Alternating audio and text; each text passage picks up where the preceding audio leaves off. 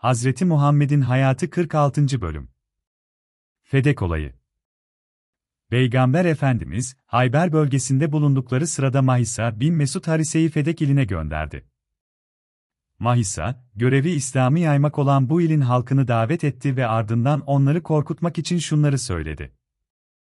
Eğer Müslümanlığı kabul etmezseniz, Muhammed Hayber'deki işini bitirdikten sonra size saldıracaktır.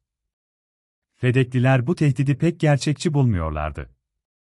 Fedek kabilesinin ileri gelenleri, Yahudilerin sonunda Muhammed'in ordusunu yenileyeceğine inanıyorlardı. Çünkü Yahudiler, gerektiğinde en az 10 bin kişilik bir orduyu harekete geçirebilirlerdi ve Muhammed bu güce karşı koyamazdı. Mahisa, birkaç gün boyunca Fedek kasabasında kaldığı sürede Yahudileri ikna edemeyeceğini anlayınca geri dönmek istedi. Ancak Fedekliler, ona şunları söyledi. Biraz daha bekleyin. Büyüklerimizle görüşelim. Belki bir anlaşma yolu bulunabilir. Bu sırada Naim Hisarı'nın Müslümanlarla yapılan savaşta yenildiği haberi geldi ve Yahudiler büyük bir korkuya kapıldı. Hemen gidip Mahisa'ya şunları söylediler. Mahisa, dediklerimizi kimseye anlatma. Bunun karşılığında istediğin kadar mal verelim. Ancak Mahisa, bu teklifi hemen reddetti ve şunları söyledi. Peygamberden bir şey gizlemek benim elimde değil. Sonrasında Mahisa, Fedeklilerle yaptığı temasın sonucunu doğrudan Medine'ye giderek Hazreti Muhammed'e bildirdi. Sa bir süre sonra Fedekliler, bir temsilciyi liderleriyle birlikte peygamberimize göndererek barış isteğinde bulundular. Yapılan görüşmeler sonucunda Yahudiler, Fedek iline ait toprakların yarı ürününü Muhammedilere vermeyi kabul ettiler. Fedeklilerle Muhammediler arasındaki barış, Ömer'in hilafetine kadar devam etti. Ömer, halife olduğunda Yahudilerin Fedek ilinden ayrılmaları için emir verdi ve onların hisselerini 50 bin akçe karşılığında Beytülmal hesabına satın aldı. Bunun üzerine Fedek Yahudileri Şam'a göç ettiler. Hayber Yahudilerine de aynı emir verildi. Bu muamele, Hayberlilerin gücünü kırmıştı. Onlar da seçtikleri bir temsilciyi Ömer'e göndererek şunları sordular. Ya Ömer! Bu kadar yıl sonra Muhammed ile yaptığımız anlaşmayı niçin bozuyorsun?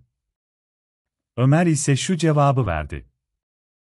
Peygamber, size Hayber'de istediğimiz sürece kalabileceğinizi söylemişti.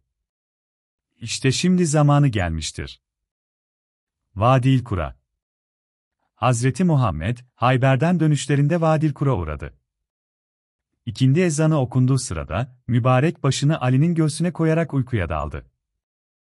Bu durumu tam anlamıyla bir uyku hali olarak adlandırmak doğru değildi, çünkü o sırada kendisine vahiy gelmişti. Hazreti Muhammed, bir süre sonra kendine geldiğinde ikindi namazının vaktinin geçtiğini fark etti. Vahiy hali sona erdikten sonra peygamber, gözlerini açarak Hazreti Ali'ye sordu. Ya Ali! İkindi namazını kıldın mı? Ali cevap verdi. Hayır, ya Resulullah. Peygamber şöyle dedi. Ya Ali! Senin için ikindi vakti geçmiş sayılmaz. Kalk, namazını kıl. Vadil Kura halkı, peygamberimizin kabilelerini ziyaret ettiğini duyar duymaz onun etrafında toplanmışlardı. Hepsi peygambere karşı düşmanca bir tavır sergiliyorlardı. Hazreti Muhammed, onların bu durumundan yılmadan onları İslam'a davet etti. Müşrikler bu teklifi reddederek İslam güçleriyle karşı karşıya geldiler. Aralarında kanlı bir çarpışma başladı ve savaş akşama kadar sürdü. İkinci gün Yahudilerin moral bozulmaya başlamıştı. İkindiye doğru silahlarını Müslümanlara teslim ettiler. Muhammedilerin eline burada da birçok ganimet geçti. Büyük peygamberimiz daha sonra bu ganimetleri sahiplerine olduğu gibi dağıttı. Hazreti Muhammed, Medine'ye dönüşlerinde bir vadide dinlenmeye çekildi. Dinlenirken yüksek sesle tekbir getiren bazı asaplara dönerek şunları söyledi. Tekbir getirirken bu kadar yüksek bağırmayın. Çünkü dua ettiğiniz zat, Allahü Teala, sizden uzak değildir. Sonra yanındaki Abdullah bin Kays'a şöyle dedi. Ya Abdullah, sana bir cümle söyleyeyim ki, onu tekrar edenler cennet hazinelerinden birine ulaşırlar. Abdullah, buyur, ya Resulullah, seni dinliyorum, dedi. Peygamberimiz şu sözleri söyledi. La havle ve la kuvvete illa billahil aliyyülazim. Kuvvet ve kudret yalnız Allah'a mahsustur. Sonra bu kelimeleri her fırsatta tekrarlamalarını ashabına tavsiye etti. Yine aynı yıl içinde Hazreti Muhammed, Beşer bin Sad Ensari'yi 30 kişiyle Beni Merre kabilesinin üzerine gönderdi. Beşer, kabalenin bulunduğu yere vardığında bir çobandan halkın nerede toplandığını sordu. Çoban, yakınlardaki bir dere içinde olduklarını söyledi.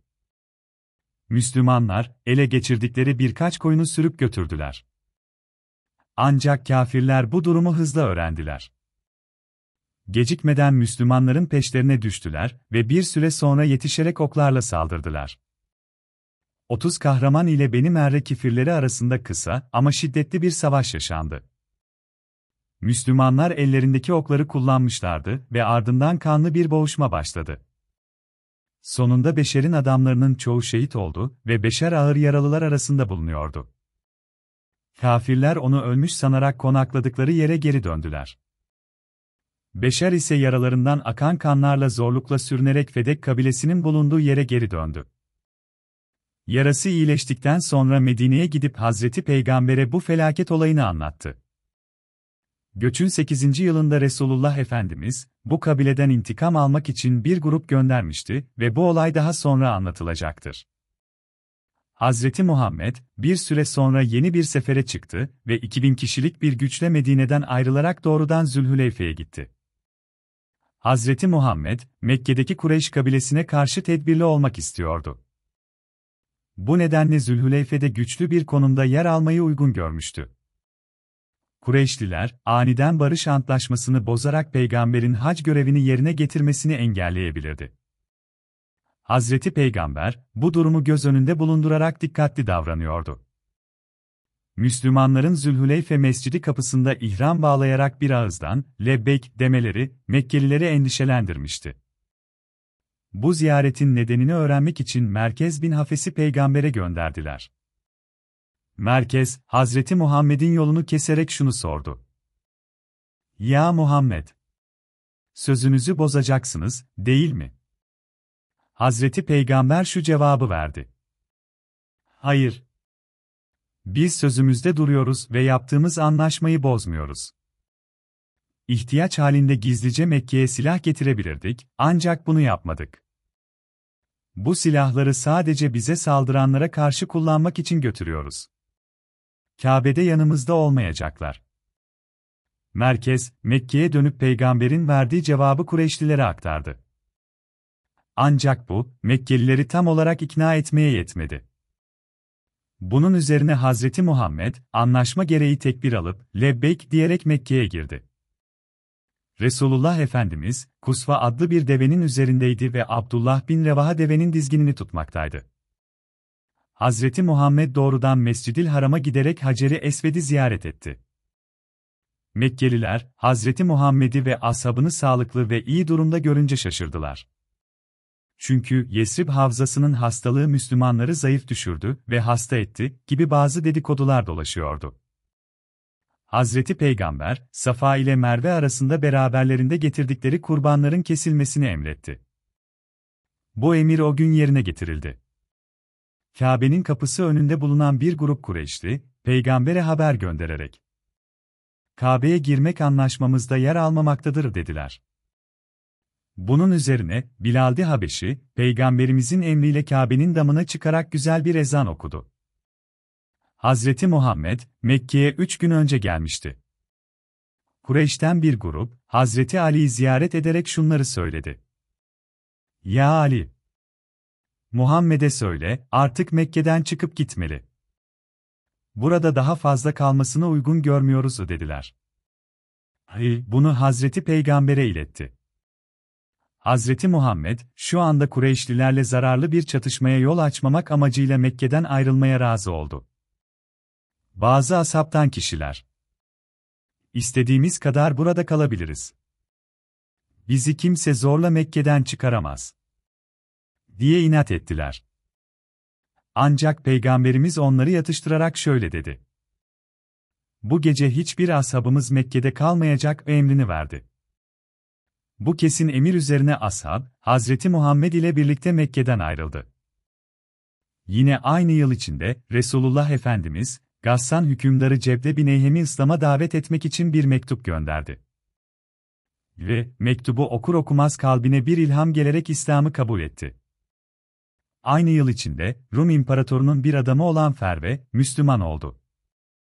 Kararını Hazreti Muhammed'e bildirmek için bir temsilci gönderdi.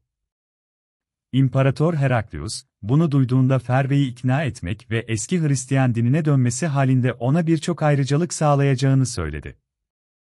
Ferve, Muhammed'in gerçek peygamber olduğunu ve bu durumun İncil'de bildirildiğini belirterek, her ne olursa olsun Muhammed'in dininden ayrılmayacağını bildirdi.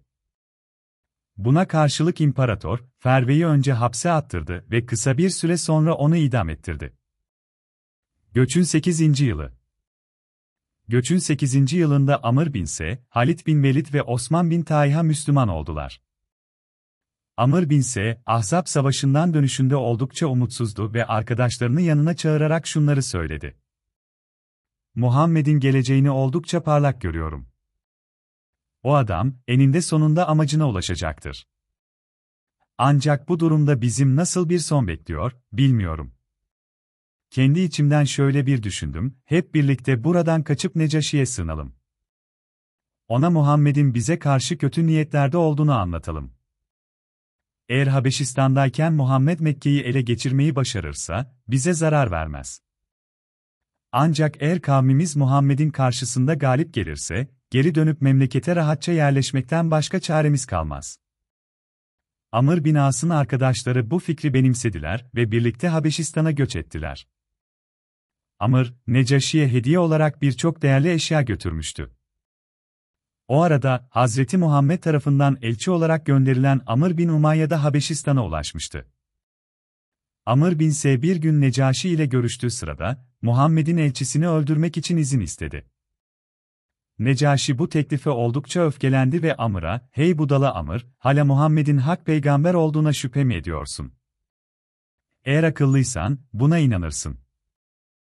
Bil ki, Muhammed yakında tüm düşmanlarını yenecek. Musa Firavun'u yendiği gibi, Muhammed de isyan eden kavimleri yenip, hak peygamber olduğunu tüm dünyaya kanıtlayacaktır, şeklinde cevap verdi. Necaşi'nin bu sözleri, Amr'ın kalbine ok gibi saplandı. Habeş hükümdarı ciddi bir şekilde konuşuyor ve Muhammed'in zafer kazanacağına kesin olarak inanıyordu. Bu durumda tek bir çözüm vardı, İslam'ı kabul etmek. Amr da bu çözüme başvurdu ve Habeş hükümdarının huzurunda şehadet getirerek İslam'ı kabul ettiğini bildirdi. Kararının ortaya çıkmasından korktuğu için, Müslüman olduğunu kimseye söylemedi ve doğrudan Medine'ye hareket etti. Yolda giderken Halit bin Velid ile karşılaşan Amr, Halit'e sordu. Nereye gidiyorsun? Halit bin Velid saklamadı ve şöyle cevap verdi. Müslüman olmaya gidiyorum. Amr gülümsedi ve şunları söyledi. Ben de o davanın peşindeyim. Ki eski Kureyş müşriki, içlerinde sakladıkları sırrı böylece açığa vurduktan sonra doğrudan Medine'ye gittiler ve Hazreti Muhammed'in huzuruna çıktılar. İlk olarak Halit bin Velid, ardından Amr şehadet getirdi. Ancak Amr'ın içinde hala korku vardı. İşlediği günahlar affedilecek miydi? Hazreti Muhammed, Amr'ın kuşkusunu hissederek şöyle dedi. Ey Amr, İslam'a girenlerin tüm günahları bağışlandığına neden şüphe edersin? Bu yıl içinde, Hazreti Muhammed'in emriyle Zübeyir bin Avam, Fedek'te şehit edilen Müslümanların intikamını almaya gönderilmişti. Zübeyir, Hazreti Peygamber'den şu direktifi almıştı. Beşer bin Sad, şehit edilen Müslümanların kifirlerin elinde can verdiği yere varacak ve düşmanlarla savaşacak. Tam o sırada Galip bin Abdullah, Hazreti Muhammed'e zafer haberini getirdi. Peygamberimiz bunun üzerine Zübeyre. Sen burada kal emrini verdi. Daha sonra, Galip bin Abdullah ile birlikte 200 kişi Fede'ye gönderildi. Ebu Mesud Akabe, Ka'b bin Acer ve Esame bin Zeyd de bu gruba dahildi. Galip bin Abdullah'ın Fedek'te elde ettiği zafer, tüm umutların ötesindeydi. Müslümanlar bu savaştan birçok ganimet eşya ele geçirmişti. Birçok deve ve yüzlerce tutsak alınmıştı.